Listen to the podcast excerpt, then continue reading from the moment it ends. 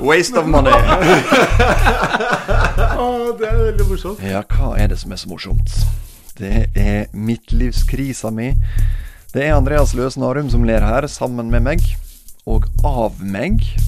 Han er psykolog og har tatt en personlighetstest på meg, og vi diskuterer resultatet. Og det er altså litt tragikomisk. Hvorfor skal du få høre i denne episoden av Midtlivsmannen.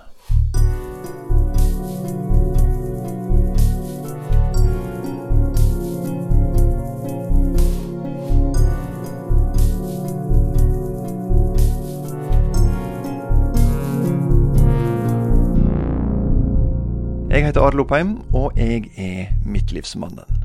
42,6 år. Jeg er ei tikkende midtlivskrisebombe, på jakt etter oppskrifter på hvordan jeg kan unngå den store smellen. Så i denne serien her så får du bli med når jeg møter forskere, eksperter, menn som har vært gjennom midtlivskrisa, eller pårørende til disse mannfolka. Alle som kan hjelpe oss å forstå midtlivskrisa. Et fenomen som vi alle ser, og mange kjenner på, men som forskerne sliter med å forklare, og klare å bevise. Og I dag skal vi møte verdens fremste samlivsforskere. Hi, nice to meet you. Hun her, Julie Gottman, og mannen hennes, John. De har selvfølgelig tanker om midtlivskrisa som er verdt å høre på.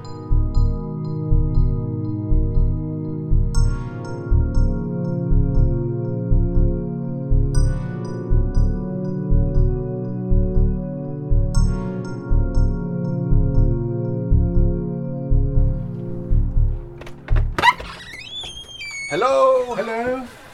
Velkommen. Hjertelig takk. Men vi starta med han som først lærte meg om Gottmann-paret, og ganske mye annet om samlivsforskning.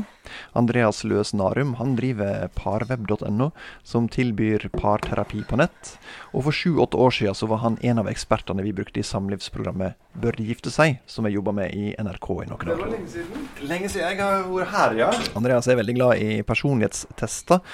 Og når jeg da eh, spurte han om å få intervjue han om mitt livs krise, og da spesifikt om min egen krise som kanskje er på trappene, så har jeg da fått i heimlekse å ta en personlighetstest først.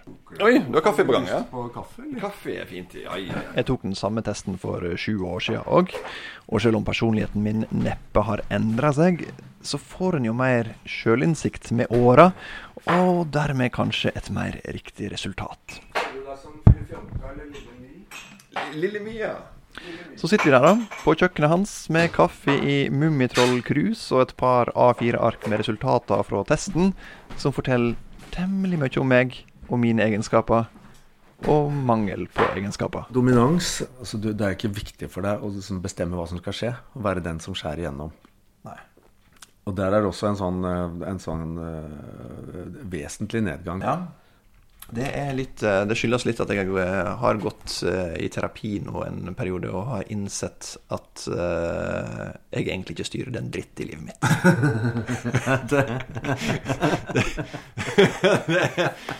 Ingenting. Det, det, og det har tatt, så det her har jeg innsett i løpet av det siste året. Ingenting. Ja, men hvordan var det å få den innsikten?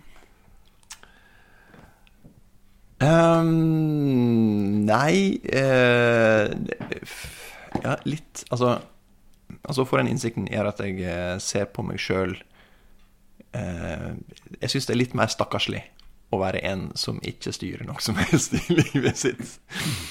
Um, så uh, jeg vil jo helst ikke være det. Så er det jo litt parallelt med at jeg da har gått i terapi og funnet ut at jeg ikke styrer noe som helst i livet mitt. Eh, Så har jeg da tatt eh, prosjektlederutdanning på BI.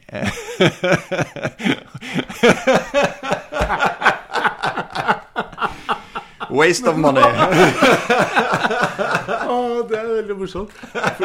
Men hvordan i alle dager kom du på det? Var det Hang de to sammen? Nei, overhodet ikke.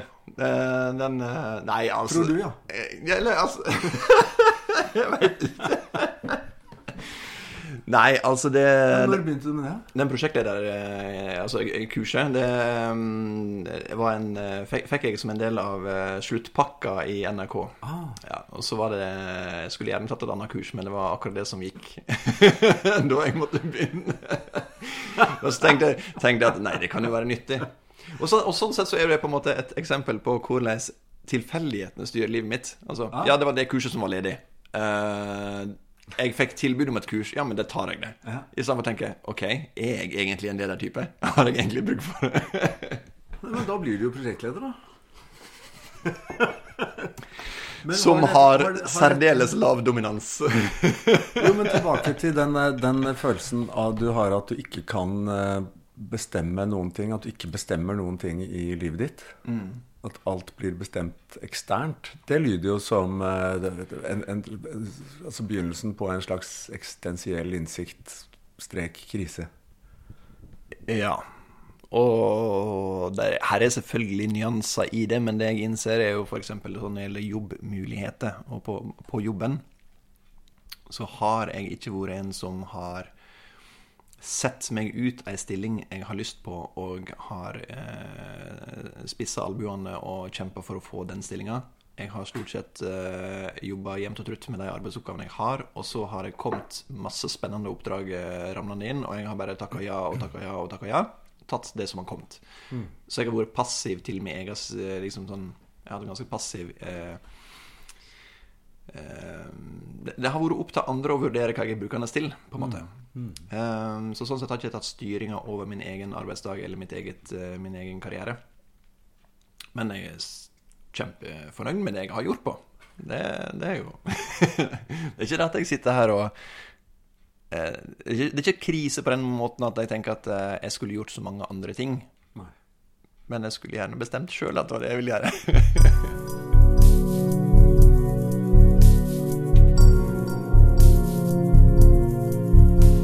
Et halvår før jeg satt ved kjøkkenbordet til Andreas, så hadde jeg vært så heldig å få møte de amerikanske samlivsguruene Julie og John Gottman.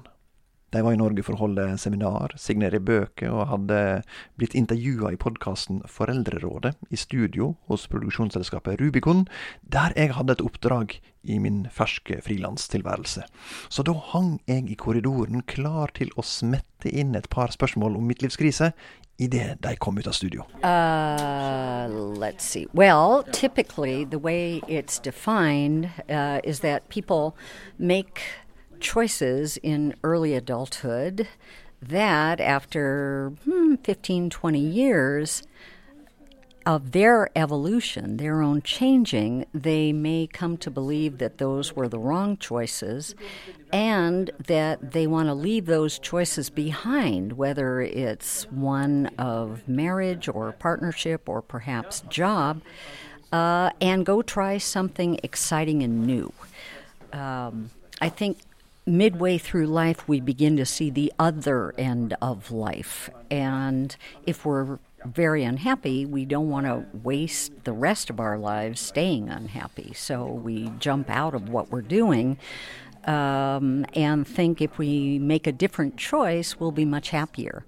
Well, sometimes that works, but a lot of times it doesn't. Så midtlivskrisa er altså å oppdage at du er ulykkelig, og i frykt for evig ulykkelighet så hopper du ut av det livet du har, og prøver noe annet. Og av og til så funker det, men som regel ikke, skal vi tru Julie Gottman. Nå har ikke jeg forlatt kjernefamilien min eh, og hoppa ut av hele livet mitt, men jeg forlot jo på en måte storfamilien min da jeg slo opp med min eneste arbeidsgiver i mitt voksne liv, NRK. Et enormt nettverk av kollegaer som var like mye venner, og som jeg håper forblir venner selv om vi ikke jobber sammen og ser hverandre så ofte nå. Den gamle kollegaen blir jo på en måte skilsmissebarna oppi dette her, som jeg så gjerne skulle hatt rundt meg hele tida. Eh, men sånn er det da, når kjærligheten mellom foreldra visner og blir erstatta av frustrasjoner. Så Julie Gottman sa jo altså da at som regel funker det ikke å flykte fra det ulykkelige livet. Ok. Betyr det at jeg sannsynligvis kommer til å oppleve de samme frustrasjonene nå i mitt nye liv? At jeg ikke blir noe lykkeligere som herre over min egen arbeidsdag? Kommer jeg til å sitte og angre om noen måneder? Ja, vi får se. I think um, midlife crisis is often the result of an unexamined life. That people have been living a life for pleasing other people and doing what they think will make other people happy and not really thinking about what they need. And then at a certain point, they, they kind of go, you know, this life I'm leading, it's not me. And who am I? and, you know, what do I need? Rather than what did my parents want from me? What did my friends want from me? What was I trying to achieve that everybody thought was so great? And it doesn't feel great anymore. It feels like it's not me. So, you know, I think it's a product of really leading an unexamined life. And, and if we if we examine our lives and understand what our feelings are and what our needs are and what fits us, then we're not going to have a midlife crisis, I think. Yeah. There are signs, or there are especially in psychologists, uh, claiming that uh, there is no such thing as uh, that it's, it's impossible to prove the midlife crisis that uh, we are all uh, doomed to get the crisis. What's your view? I, I don't think so. I mean, I don't think you have to have a midlife crisis. I think it really comes from you know, not really thinking about who we are and what our feelings are, and really listening to ourselves. Nei, alle må ikke gjennom ei midtlivskrise. Men de som er ekstra utsatt for å få ei, ifølge John Gottman, er de som bare har plaska i overflata av seg sjøl og hvem du er, og hva du ønsker og hva du vil. Og det kan jeg kjenne at jeg føler meg litt truffet av. Jeg har ikke vært helt bevisstløs med tanke på hva jeg vil, men jeg har kanskje levd veldig i nuet. Valgt blant mulighetene der og da, og ikke tenkt så strategisk eller langsiktig. Selv om altså, jeg har jo hatt planer, det er ikke det. Da jeg var 20 år, så var planen klar. Jeg skulle til USA, studere journalistikk der. Jeg hadde til og med besøkt universitetet jeg skulle studere på. Det var aldeles perfekt for meg. Og når jeg var ferdig der, så skulle jeg bli korrespondent. Jeg hadde jo tross alt bestemt meg for å bli journalist da jeg så Hans-Wilhelm Steinfeld rapportere fra Sovjetunionen da jernteppet falt. Eller kanskje kunne bli reisereporter. Jeg så iallfall for meg et liv med hele kloden som heimebane. Mora mi hadde likevel overtalt meg til å søke på utdanning her i Norge òg, som en backup, sjøl om jeg da syntes det var fullstendig bortkasta energi.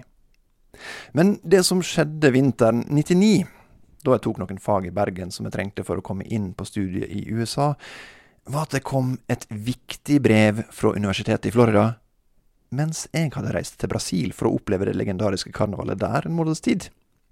Og da jeg endelig kom hjem og fant brevet, så viste det seg at jeg ikke rakk søknadsfristen for det året. Og da kom jo modernes backup godt med. Det blei journalistutdanning i Volda i stedet for den høsten. Og når du har utdanning fra Volda, journalistutdanning, og i tillegg snakker nynorsk, ja, da skal det jo faktisk godt gjøres å ikke få jobb i NRK. I alle fall på den tida. Og plutselig så satt jeg jo der, da, i et studio i Trondheim som programleder for Norgesklasse på NRK P1 med 750 000 lyttere daglig. Det er ikke så verst for en 25-åring. Det var faktisk temmelig ålreit. Men det var jo ikke Florida. Det var jo ikke USA. Det var ikke et liv med passet i baklomma. Hadde jeg vært litt mer sta på å forfølge drømmen min, så hadde jeg jo bare jobba og spart penger et år, og ikke minst henta posten jevnt og trutt, og søkt meg til USA året etter.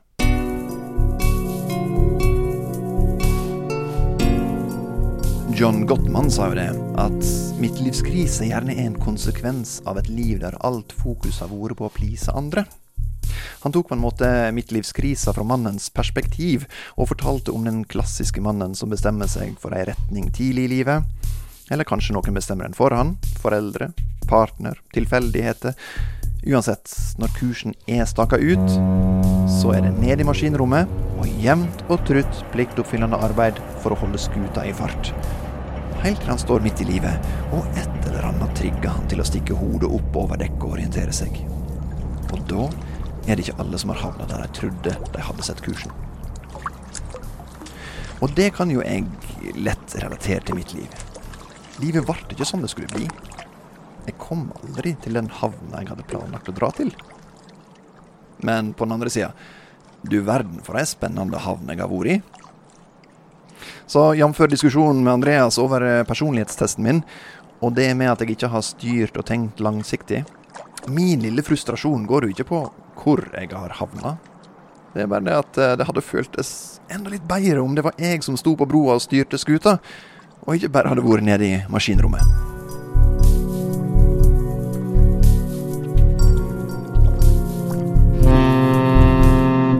Sier jo nå i etterkant at, du, at dette her er et tematikk det var fint å jobbe med. Ja. Så hva ville endret seg? Hva ville vært annerledes hvis du selv hadde bestemt?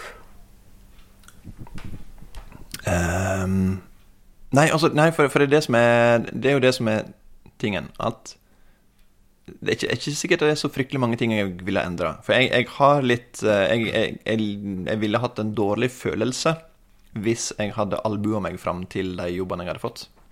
Det hadde ikke jeg fått til å stemme med mitt eget bilde av hvem jeg er eller har lyst til å være. Så heldigvis har jeg jo sluppet å gjøre det. Um, jeg, fikk jo faktisk uh, anledning til å uh, veksle noen ord med den store helten uh, for både meg og sannsynligvis litt for deg òg, John Gottman.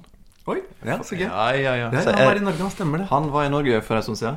Og det han sa da, var at eh, eh, menn har en tendens eh, til, kanskje i større grad enn kvinner, å ta på seg skylapper. De bestemmer seg for en kurs eh, tidlig i livet, og de holder på den kursen og gjør det som er planlagt, helt til de på et tidspunkt plutselig strekker opp nakken og ser seg rundt og så hm, det var ikke hit jeg ville. Og da blir det krise og panikk. Når han da har begynt på den nye kursen, når han eh, danser på bordet og kjører kabriolet og trener til Birken Er det da han er i krise, eller har krisa vært i forkant? Eller hvor har feilen skjedd, på en måte?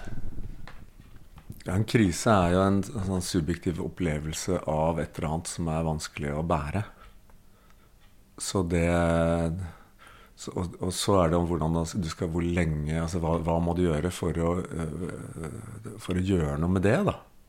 Dette er en sånn definisjonsspørsmål. Er det Krisa kjennes jo altså når, den, når den er på maks, det er da gjerne folk gjør noe. Fordi da, det, da, da kjennes det så tungt at du har ikke noe valg. Du er nødt til å gjøre noe. Men arbeidet med den, med å, å rette på de tingene som da, til da ikke har vært til å bære, det vil jo gå over lang tid. Ja. Forhåpentligvis. Ja, fordi det, det holder jo ikke bare å kjøre rundt i en dyrere bil. Sant? Det er ikke å jobbe med en krise. Det, er, eh, det kan være deilig det å, å liksom slå ut det man har igjen av hår, og sånn, kjøre den kabrioleten. Men, men jeg tror ikke at det er så, eh, egentlig hjelper så veldig mye. Da. Jeg tror man er nødt til å være bevisst på det og jobbe med det over tid. Og så tror jeg mange av de, som, de du snakker om der det, det, Dette er den klisjéfylte. Mannen som, eh, som da plutselig ser, begynner å trene, plutselig må eh, ha noen statussymboler og, og må bytte kone. Mm. Jeg tror veldig ofte den mannen ikke har, ikke har noe vokabular. Eller ikke, og ikke er vant til å snakke om det er sånn. Men det, bare, det, bare, det er et eller annet som presser på som bare kjennes feil. Og, så, og, da, og, da er det, og da er det gøy å spekulere i hva i alle dager kan dette være. Handler det om status overfor naboene? Handler det om status overfor deg selv? Handler det om, altså en, Hvis du først skal være reduksjonistisk, og dra det ned til bare én ting, så kan jo det handle om en så enkel ting som um, altså evolusjon, det der med å føre genene videre. Og da, og da skiller du deg jo ikke fordi du selv er blitt gammel, men fordi kona ikke er fertil lenger. Så du trenger en, en, en som er fertil. Sant? Det, kan jo, det kan jo være en vel så sterk drivkraft, det, som, eh, som uh, mange andre ting.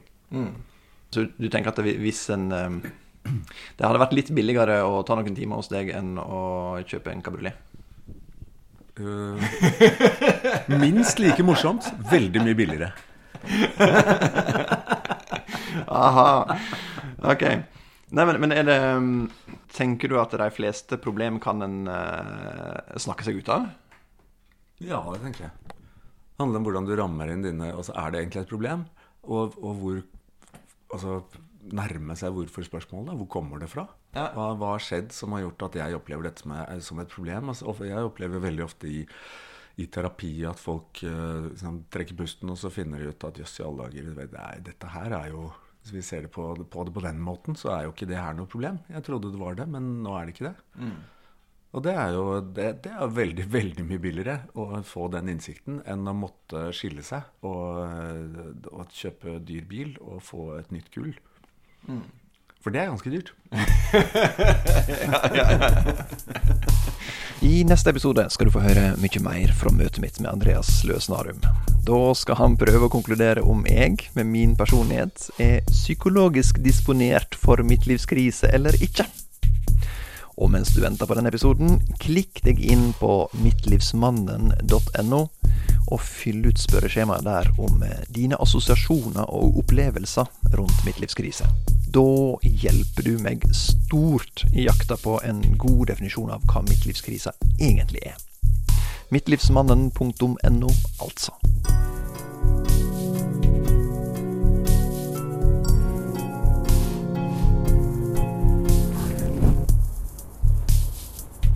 Men eh, før jeg gir meg helt for denne gang, så vil jeg ta med noe som slo meg da jeg satt i en park og prøvde å fordøye møtet med samlivsguruene Julie og John Gottman.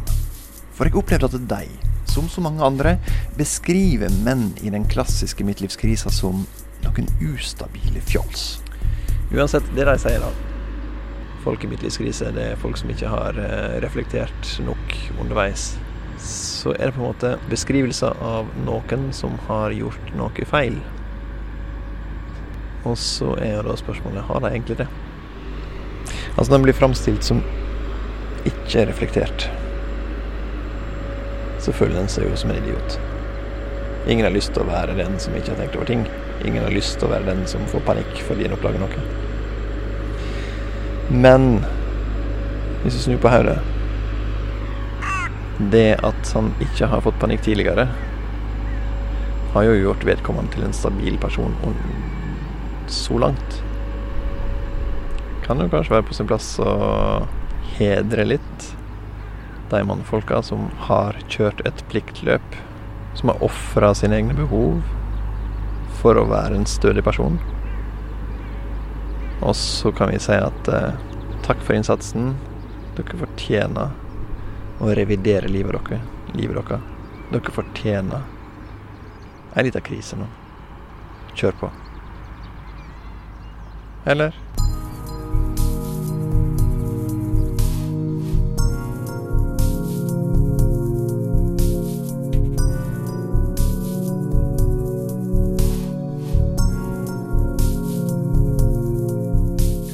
Midtlivsmannen er om og av meg, Arild Oppheim, produsert av Podekasting AS.